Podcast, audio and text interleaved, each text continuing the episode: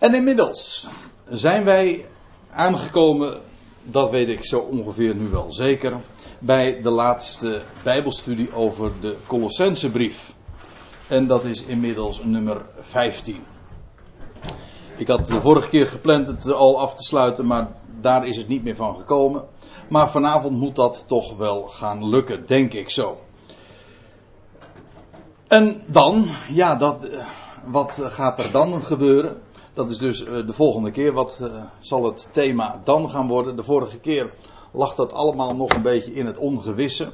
En tot voor een paar dagen terug, voor mijzelf eigenlijk ook. Er waren diverse opties die ik in gedachten had. Maar inmiddels heb ik zo door bepaalde omstandigheden toch de knoop kunnen doorhakken. En uh, ik heb besloten, ja, het klinkt wat autoritair, maar we zouden het natuurlijk heel democratisch kunnen doen van hoeveel mensen zijn er voor, voor deze brief en hoeveel mensen voor dat Bijbelboek. Nee, ik heb uh, besloten om het te gaan hebben over de Hebreeënbrief. En ik realiseer mij dat we daarmee een enorm project aanvangen. 13 hoofdstukken. De Colossensebrief zijn slechts 4 hoofdstukken. En dat betekent dus dat we. Ik zat. Ik dacht bij mezelf. En we hadden het er vanavond uh, tijdens de maaltijd nog eventjes over. Nou. Ja. Nou ja. Ja, ik ben altijd heel erg snel afgeleid en misschien. Nee, Dora die lost dat heel vredelievend op. Hoor eens.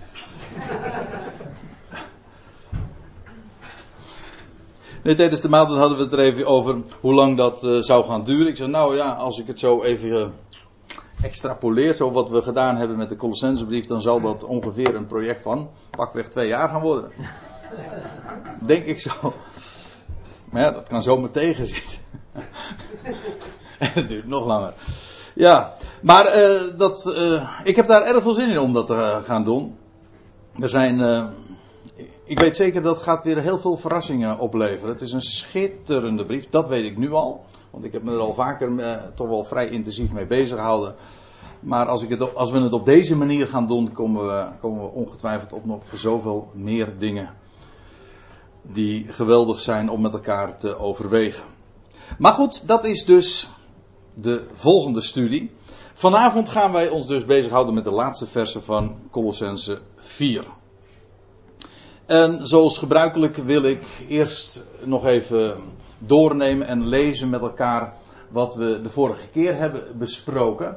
En dat begon toen bij vers 4 van het vierde hoofdstuk.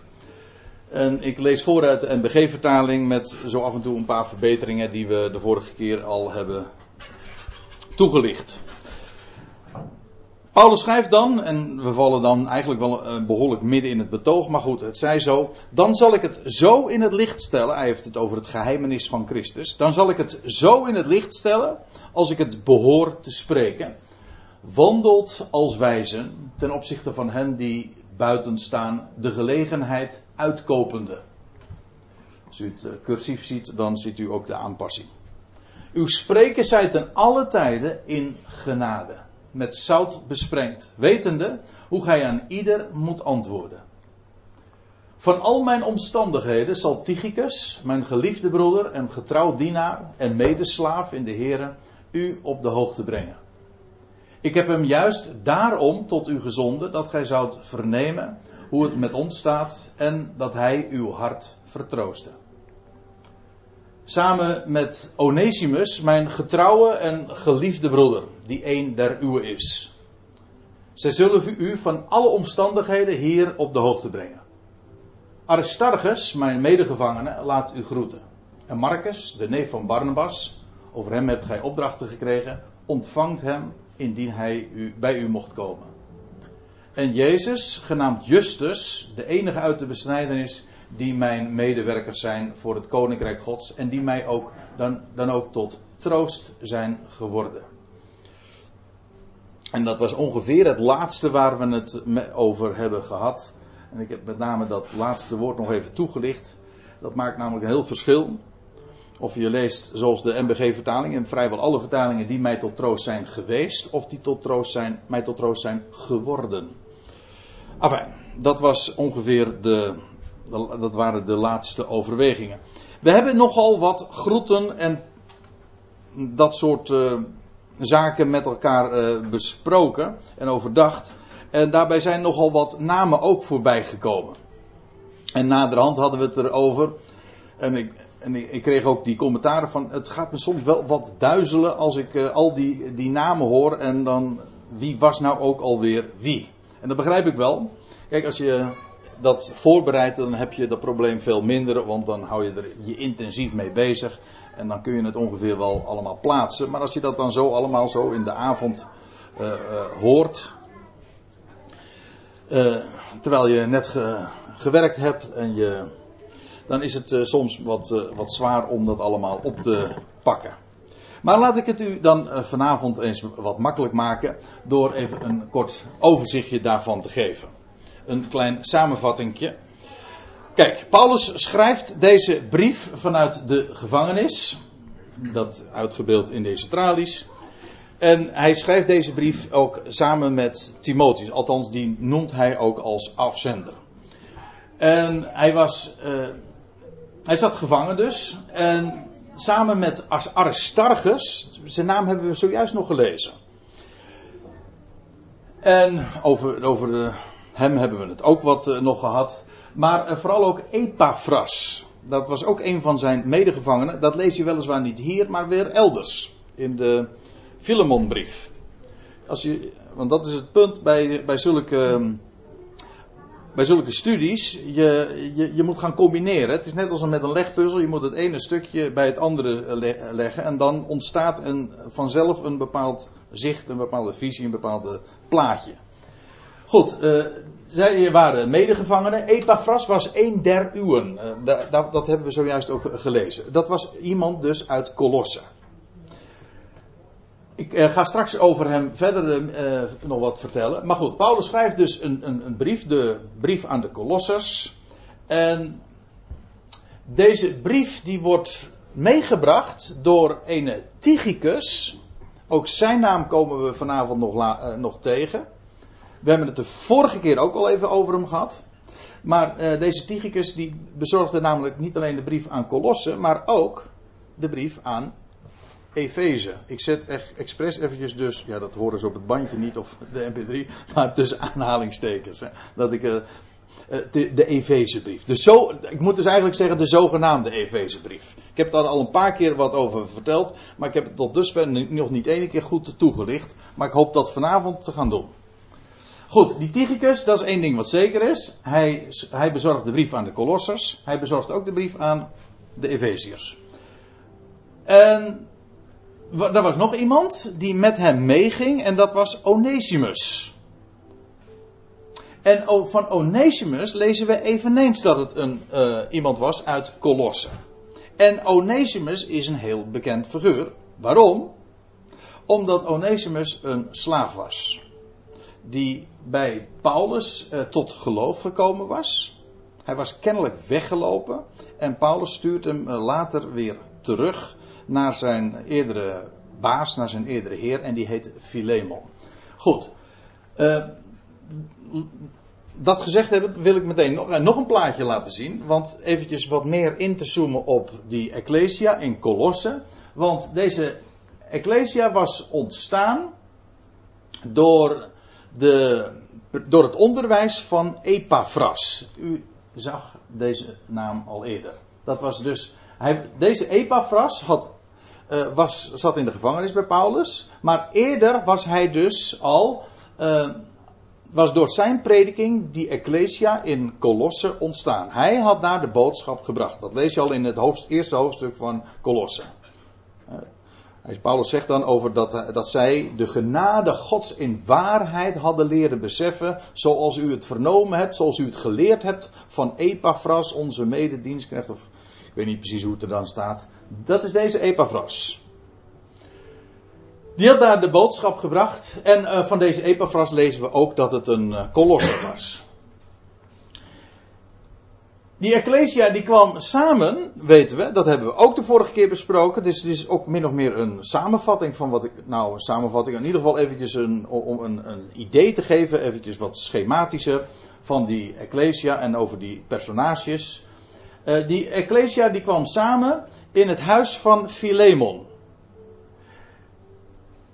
En Philemon en Apphia, dat was de zuster, kennelijk was dat de vrouw van uh, die Philemon. En ook nog Archippus, ook zijn naam komen we ook nog tegen.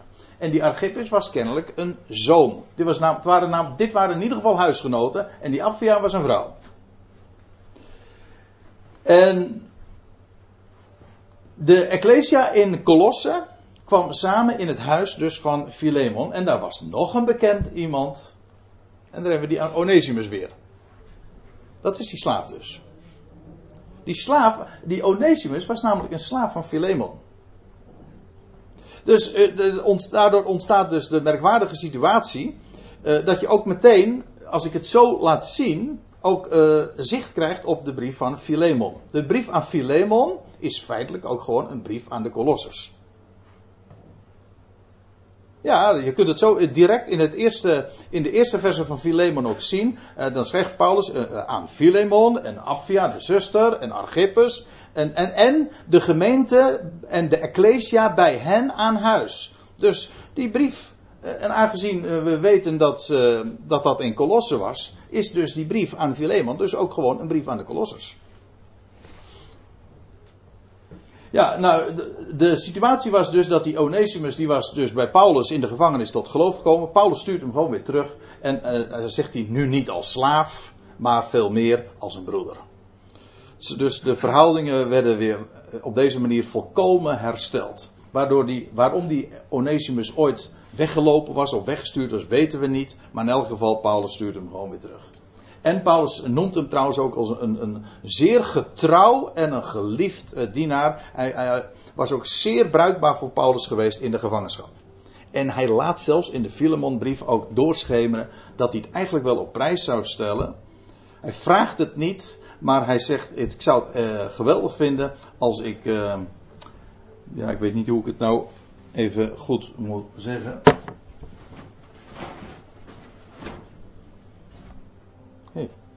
Ik dacht dat ik mijn Bijbel had meegenomen. Hm. Niet dus. Uh, maar goed, ik wilde het even voorlezen uit de, uit de Filemonbrief. Maar in ieder geval, het komt erop neer. Nou weet ik dus niet meer wat ik wilde zeggen.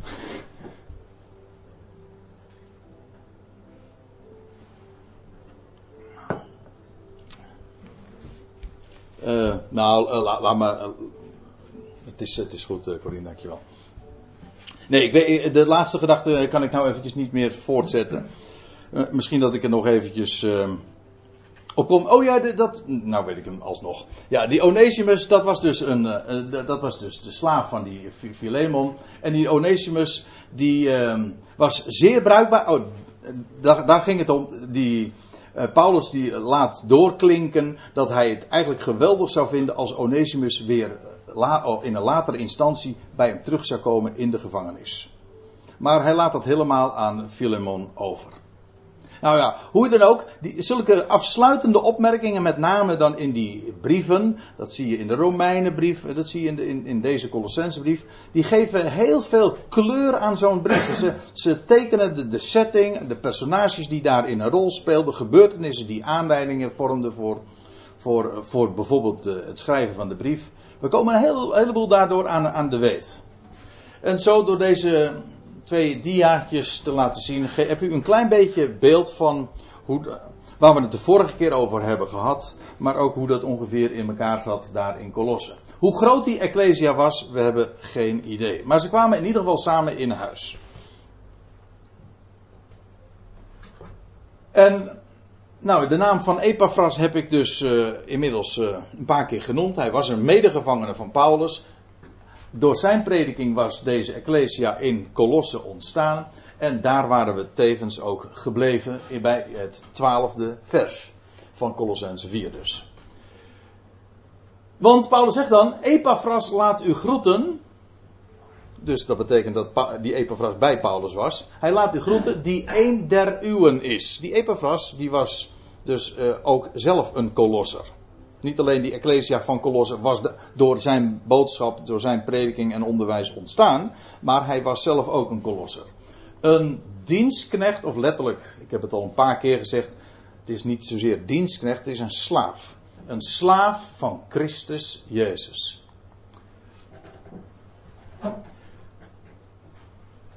Dan ga ik nu nog even naar dat uh, eerste hoofdstuk toe. Ik, heb, ik zinspeelde er zojuist al even op. Maar nu ziet u het uh, hier voor u. Uh, zoals er vrij letterlijk weergegeven staat. Vanaf de dag. Dit is dus de aanvang van, Colossense, van de Colossense brief. vanaf de dag dat jullie het hoorden. En de genade van de God. In waarheid beseften. Zoals jullie leerden van Epaphras de geliefde medeslaaf van ons, die voor u een getrouw dienaar van Christus is. Dus ooit was het allemaal begonnen met, en of niet zozeer met, maar vooral door die Epaphras. Paulus was zelf dus nooit in Colosse geweest. Je leest ook nog in de brief van Filemon, ook de naam van Epaphras, daar staat er Epaphras, de medegevangene van mij in Christus Jezus, die groet jullie.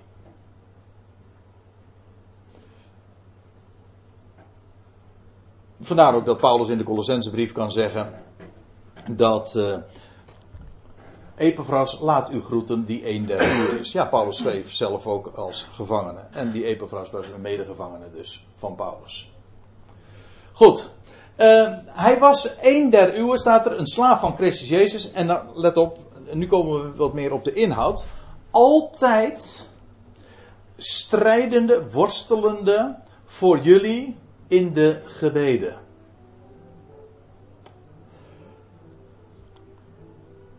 Waarom dan? Dus uh, hier blijkt niet alleen maar dat, uh, dat Paulus ooit, of die Epaphras uh, aan het begin, aan de wieg zeg maar, van die Ecclesia had gestaan, maar hij, hij had daar zorg voor. Hij, hij was daarmee begaan met, met, met die geloofsgemeenschap en hij worstelde. En die, die term dat, uh, dat worstelen, dat, strijd, ja, dat strijdende, dat heeft te maken, uh, dat is overduidelijk in, inmiddels uh, geworden, denk ik zo, in de bespreking. Van, van al die avonden die we nu tot dusver gehad hebben. Die strijd had te maken met de invloeden daar in die Ecclesia. Daar waren Joods, met name Joodse filosofieën en Joodse predikers, judaïsten binnengekomen die de Ecclesia van een stuk wilden brengen, van hun standplaats, als ik het zo zeg, denk ik dat ik het heel correct zeg, van hun, van de positie af wilden brengen en geboden wilden opleggen. En ook met filosofieën wilden, wilden belasten. En dan wat Paulus iedere keer als antwoord geeft. Hoezo?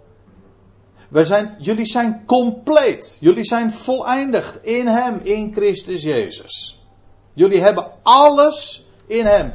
Alle, Colossense 2 vers 3. Alle schatten van wijsheid en kennis zijn in Hem verborgen. Hoezo andere filosofieën die zogenaamd interessant zijn? Hoezo belast, eh, hoezo allerlei geboden en leringen van mensen of allerlei rituelen uit de wet? Jullie zijn compleet in Hem. Vrijheid, wel, daar zouden ze. Daar, Epaphras wist dat. Epaphras had, Epaphras had het ooit zo verteld en nu werden ze zo gemak, zouden ze zo gemakkelijk weer ingepakt worden door dat soort boodschappen en invloeden. En vandaar dus die strijd. Hij, Paul, Epaphras was uh, inmiddels in de gevangenis, dus daar bij Paulus dus bevond zich op afstand daar van de kolossus, maar hij wist wat daar gaande was. En daarom in de gebeden. Hij kon, hij kon dat zelf niet doen, maar hij, hij bad voor hen. En dan moet u eens opletten wat, wat er staat. Hè? Wat de inhoud was van zijn gebeden. Dat gij moogt staan, let op. Jullie, dat jullie mogen staan en dan volmaakt of volwassen is het wellicht beter. Volwassen en volkomen volkomen verzekerd.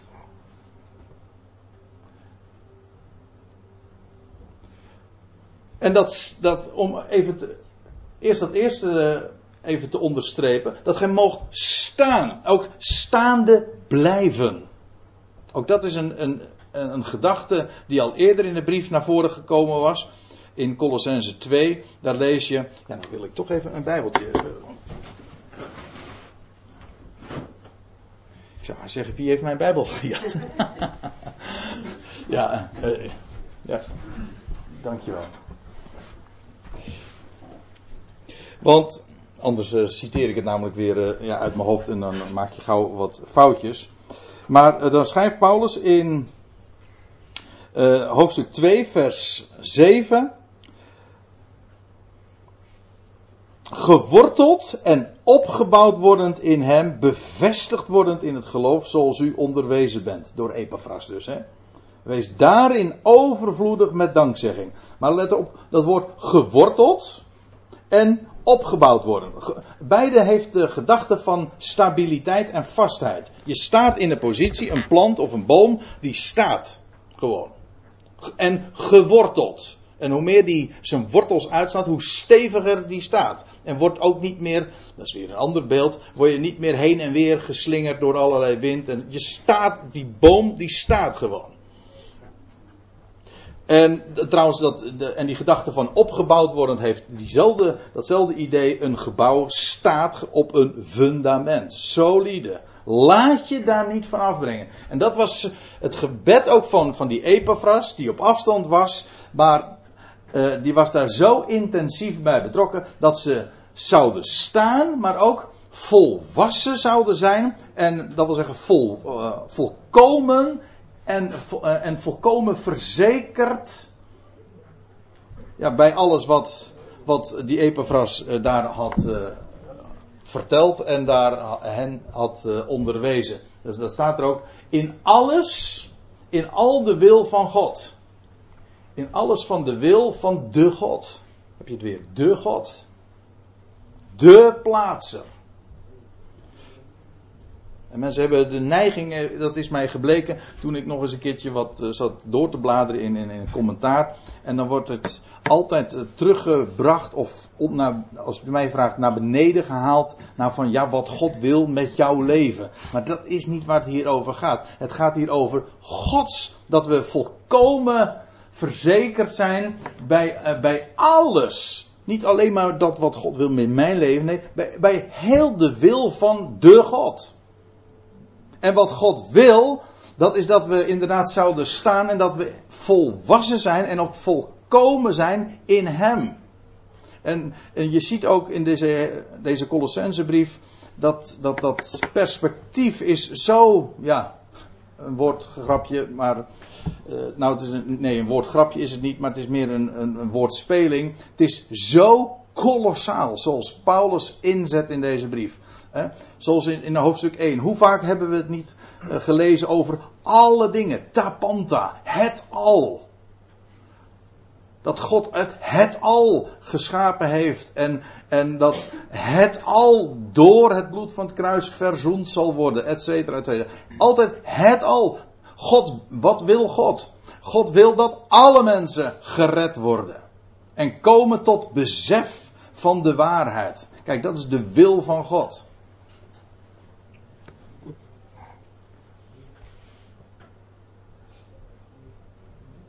En, nou ja, daar was die Epaphras dus zo,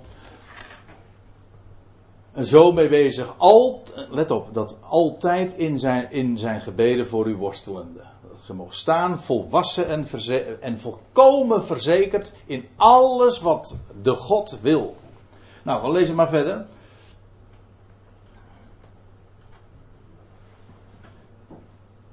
Ja, ik lees. Uh,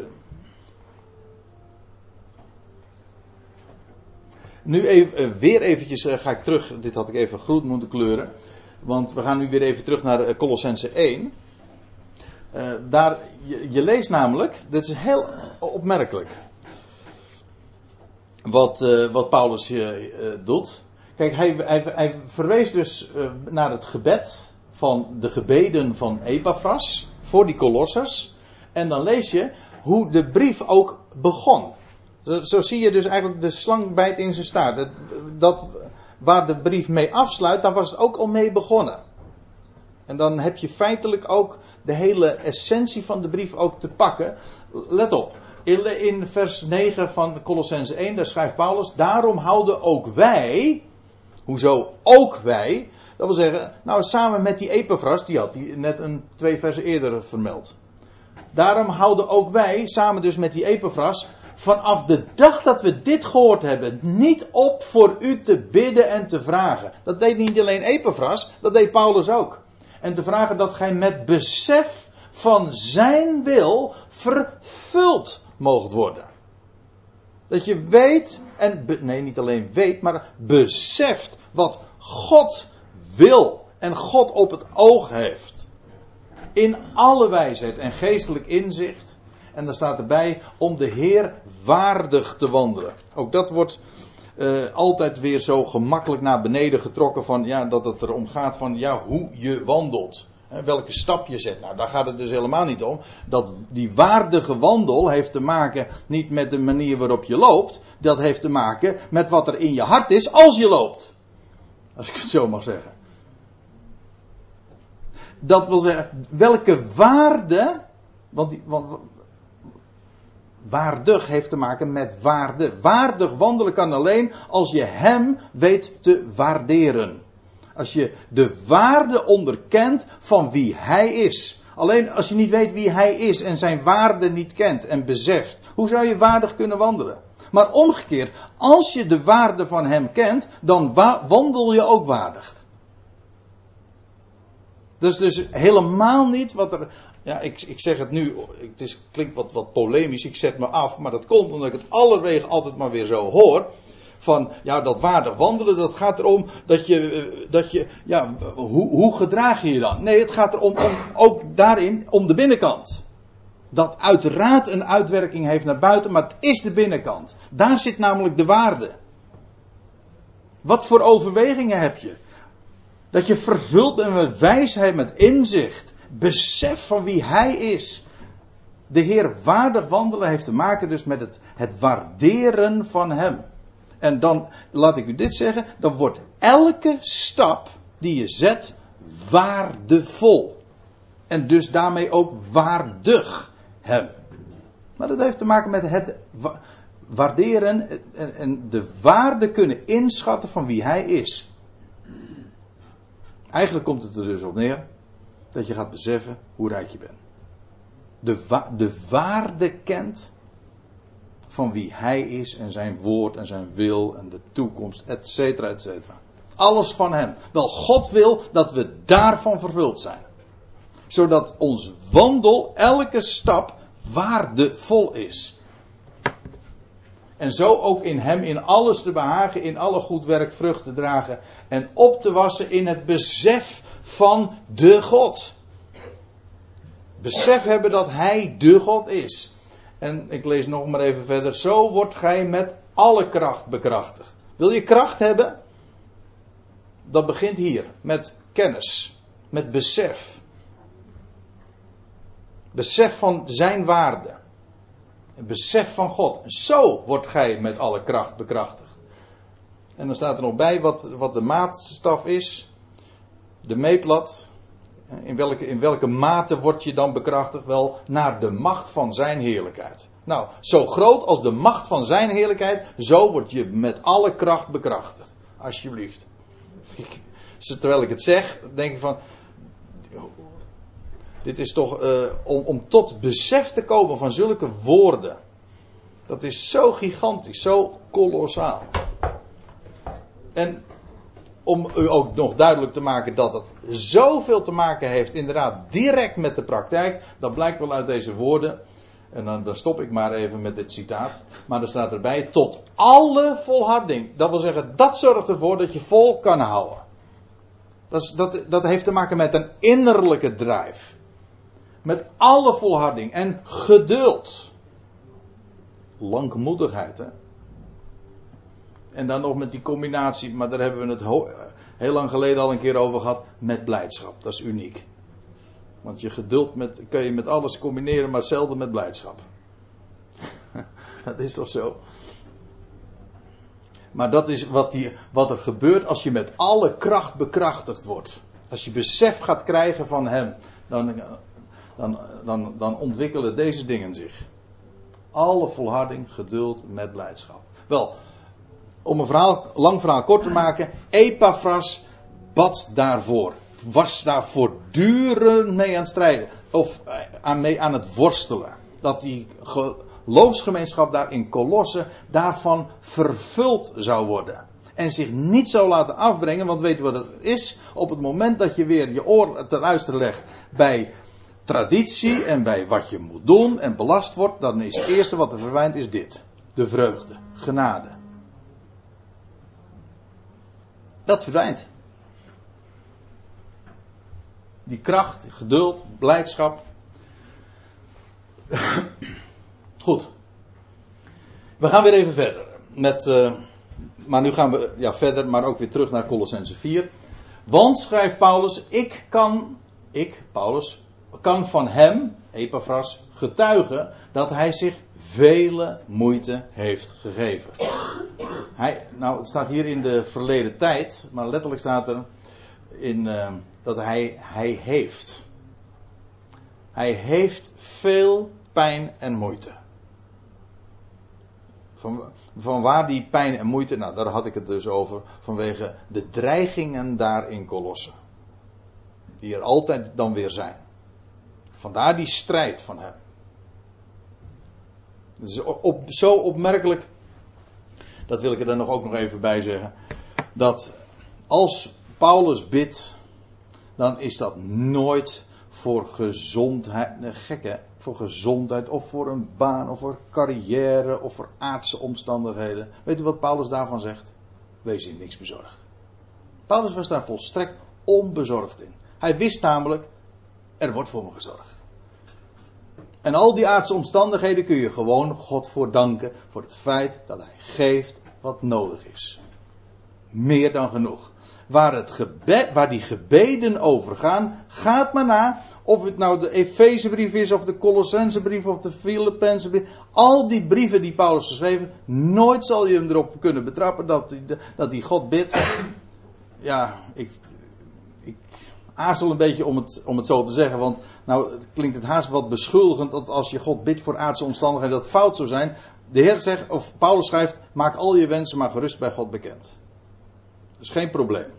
Maar Paulus zegt, wees in niks bezorgd. Er wordt voor je gezorgd. En wat ik wil zeggen, al zijn gebeden gaan, er, gaan erover dat we gaan beseffen hoe rijk we zijn. Dat we verlichte ogen van het hart hebben, dat we steeds meer gaan zien van wie Hij is en zijn toekomst, de hoop van zijn roeping. Nou ja, dat, al die dingen. Daar gaan die gebeden over. Paulus had ooit zelf een keer een, gebed gehad. Dat ging inderdaad wel over aardse omstandigheden. En toen had hij een paar keer gebeden. En toen had de Heer gezegd van. Zijn antwoord was. Mijn genade is jou genoeg. En dus kun je God daarin altijd per definitie danken. Epaphras die bad dus inderdaad juist voor deze dingen. En dan uh, ik kan van hem getuigen dat hij zich veel moeite, uh, dat hij veel pijn, veel moeite heeft voor u en voor hen die te Laodicea en te Hierapolis zijn.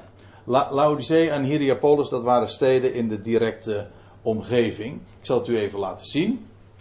Dit is uh, het zuidwesten van Klein-Azië, van Turkije.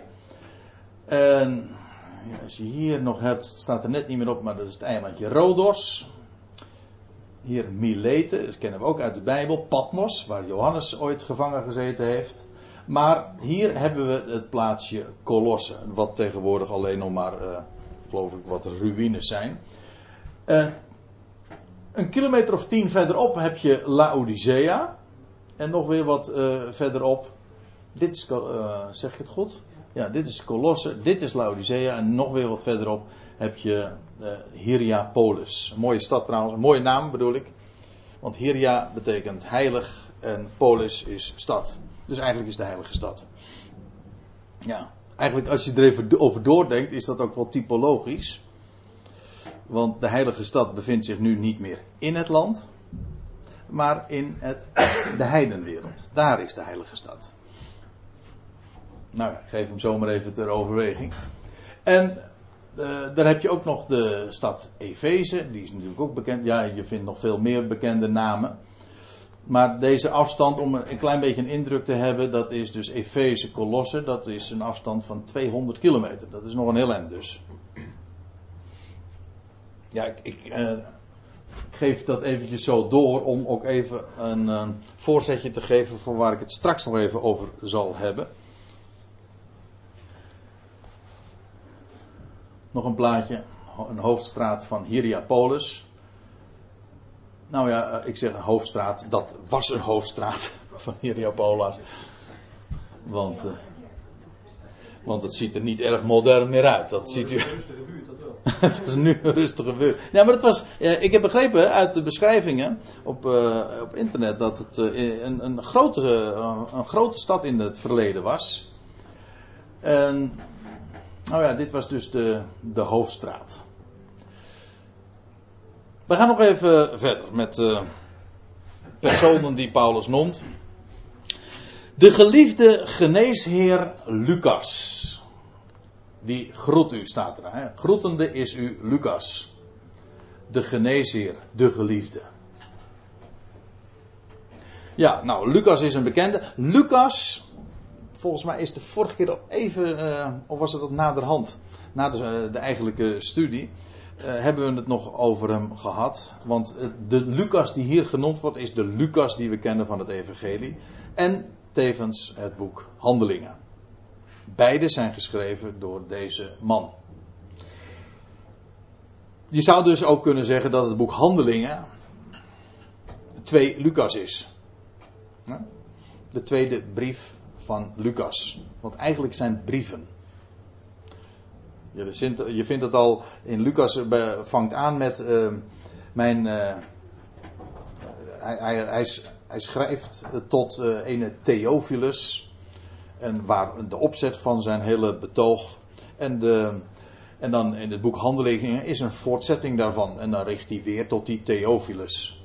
Enfin, dat is geschreven dus door Lucas. En Lucas is iemand geweest die gedurende vele jaren intensief mee betrokken is geweest bij, maar ook meegereisd heeft met Paulus. Dat is heel opmerkelijk in het boek Handelingen. Want daar kun je precies zien waar Lucas erbij is en waar Lucas weer afhaakt en uh, op een of andere manier weer een, uh, weggaat. En dan later, in een later stadium, komt hij weer bij, Lucas, bij, bij Paulus. En de grap is, dat wordt dan niet vermeld. Lucas is, staat volkomen op de achtergrond, maar dat blijkt simpelweg uit de manier, uit de, de persoonsvorm. Dan, dan, zegt hij, dan, dan spreekt hij over over Paulus en op een gegeven ogenblik weer over wij. De wij-teksten. Dus dan is de schrijver daar zelf bij. En dan weet je wanneer Lucas er wel bij was en wanneer Lucas er niet bij was. Dat is een hele, leuke studie op zich trouwens, om, dat, om, om die, al die wij-teksten in het boek Handelingen eens na te gaan. Want dan zie je precies waar Lucas erbij is en waar Lucas uh, weggaat, om welke reden dan ook. Misschien beroepsmatig, dat weet je veel. Maar in ieder geval, hij was een geneesheer. Een arts. Wij zouden ongetwijfeld vandaag zeggen een alternatieve arts. De, dat wat hij uh, aan zijn, tot, uh, tot zijn beschikking had, dat waren niet de moderne middelen die, die dokters tegenwoordig gebruiken. Afijn. De geliefde geneesheer Lucas. Oh, hem komen we trouwens ook nog wel een paar keer tegen. Niet zo eens zo heel veel keren. Maar daar lees je in Filemon, in hoofdstuk uh, ja, 1, Filemon heeft maar één hoofdstuk, vers 24, daar staat er Aristarchus, heb je hem weer, Demas en Lucas, mijn medearbeiders. En in 2 Timotheus 4, vers 11, daar lees je, alleen Lucas is nog bij mij.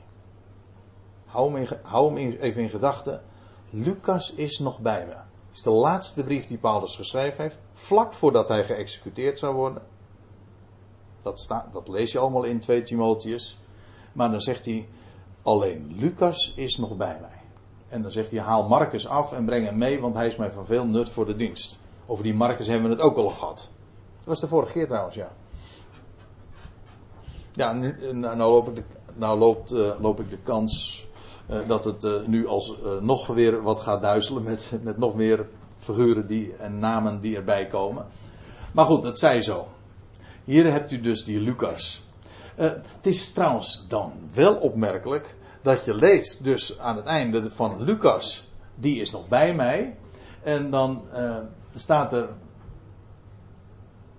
uh, de geliefde genezer Lucas en ook Demas laten u groeten. En Demas, die komen we ook in 2 Timotheus weer tegen, in die laatste brief, in die afscheidsbrief van Paulus, zijn geestelijk testament. En wat zegt Paulus dan? Demas is ook in het laatste hoofdstuk. Zegt dat ze in, die, in diezelfde omgeving waar hij ook de naam Lucas vermeldt. Waarbij hij van Lucas zegt, die is nog bij mij. Alleen Lucas is nog bij me. Maar van Demas zegt hij, Demas heeft mij uit liefde voor de tegenwoordige Aion verlaten. Hij is naar Thessalonica vertrokken. Hier klinkt natuurlijk heel wat teleurstelling in door. Wat? Thessalonica, er was nog wat aan de hand. Want dat was weer de tegenstelling voor de Galaten bijvoorbeeld weer. Was het op Thessalonica? Want de Bereërs waren edeler dan de, die de Thessalonica waren. Ja, ja, in handelingen 17. Ja, dat klopt ja. Uh, maar dat is dan geen tegenstelling. Een, ja, een tegenstelling van Berea ja, bedoel je? Bereërs onderzochten de schriften. Ja. Daarmee waren ze edeler dan de Thessalonica. Ja, dat klopt ja. Ja. Ja. En hij is, ja, ik begrijp nu de associatie. Ja, ik weet niet of, de, of die, uh, die gedachte er hier zozeer in zit. Men heeft er uh, van alles uh, voor geopperd wat hier aan de hand zou kunnen zijn. Maar veel meer dan fantasie is dat niet. Want we, zullen het, we, hebben het, we moeten het met deze opmerkingen doen. hij heeft in ieder geval Paulus verlaten. En dat was uit liefde voor de tegenwoordige Aion. Men heeft ervan gemaakt, heb ik ook wel gelezen, of ook wel gehoord, dat hij ongelovig werd, maar dat staat er allemaal niet. Hij heeft gewoon Paulus verlaten in de arbeid. Hij was een uh, zeer, hij was een medearbeider van Paulus, maar hij heeft Paulus verlaten. Uit liefde voor de tegenwoordige Aion. En om die reden is hij naar, kennelijk naar Thessalonica vertrokken. Dus weet, dat is wat we het laatste van van Demas weten. Wat er met hem gebeurd is. Goed.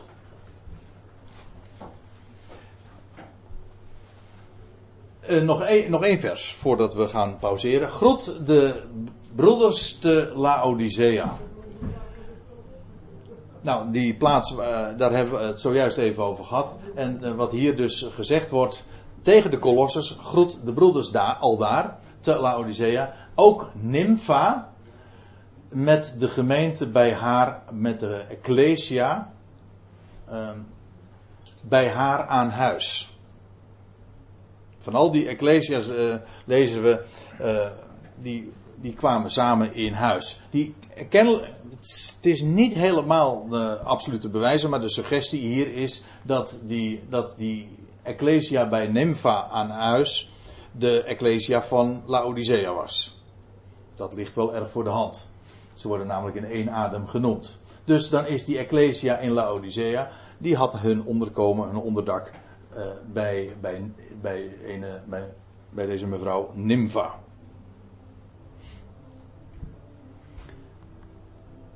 Ja, en dan wordt daar nog meer gezegd over die Ecclesia in Laodicea, maar dat wil ik graag even parkeren naar de, het volgende deel van de studie, want dat is namelijk weer een hoofdstuk apart.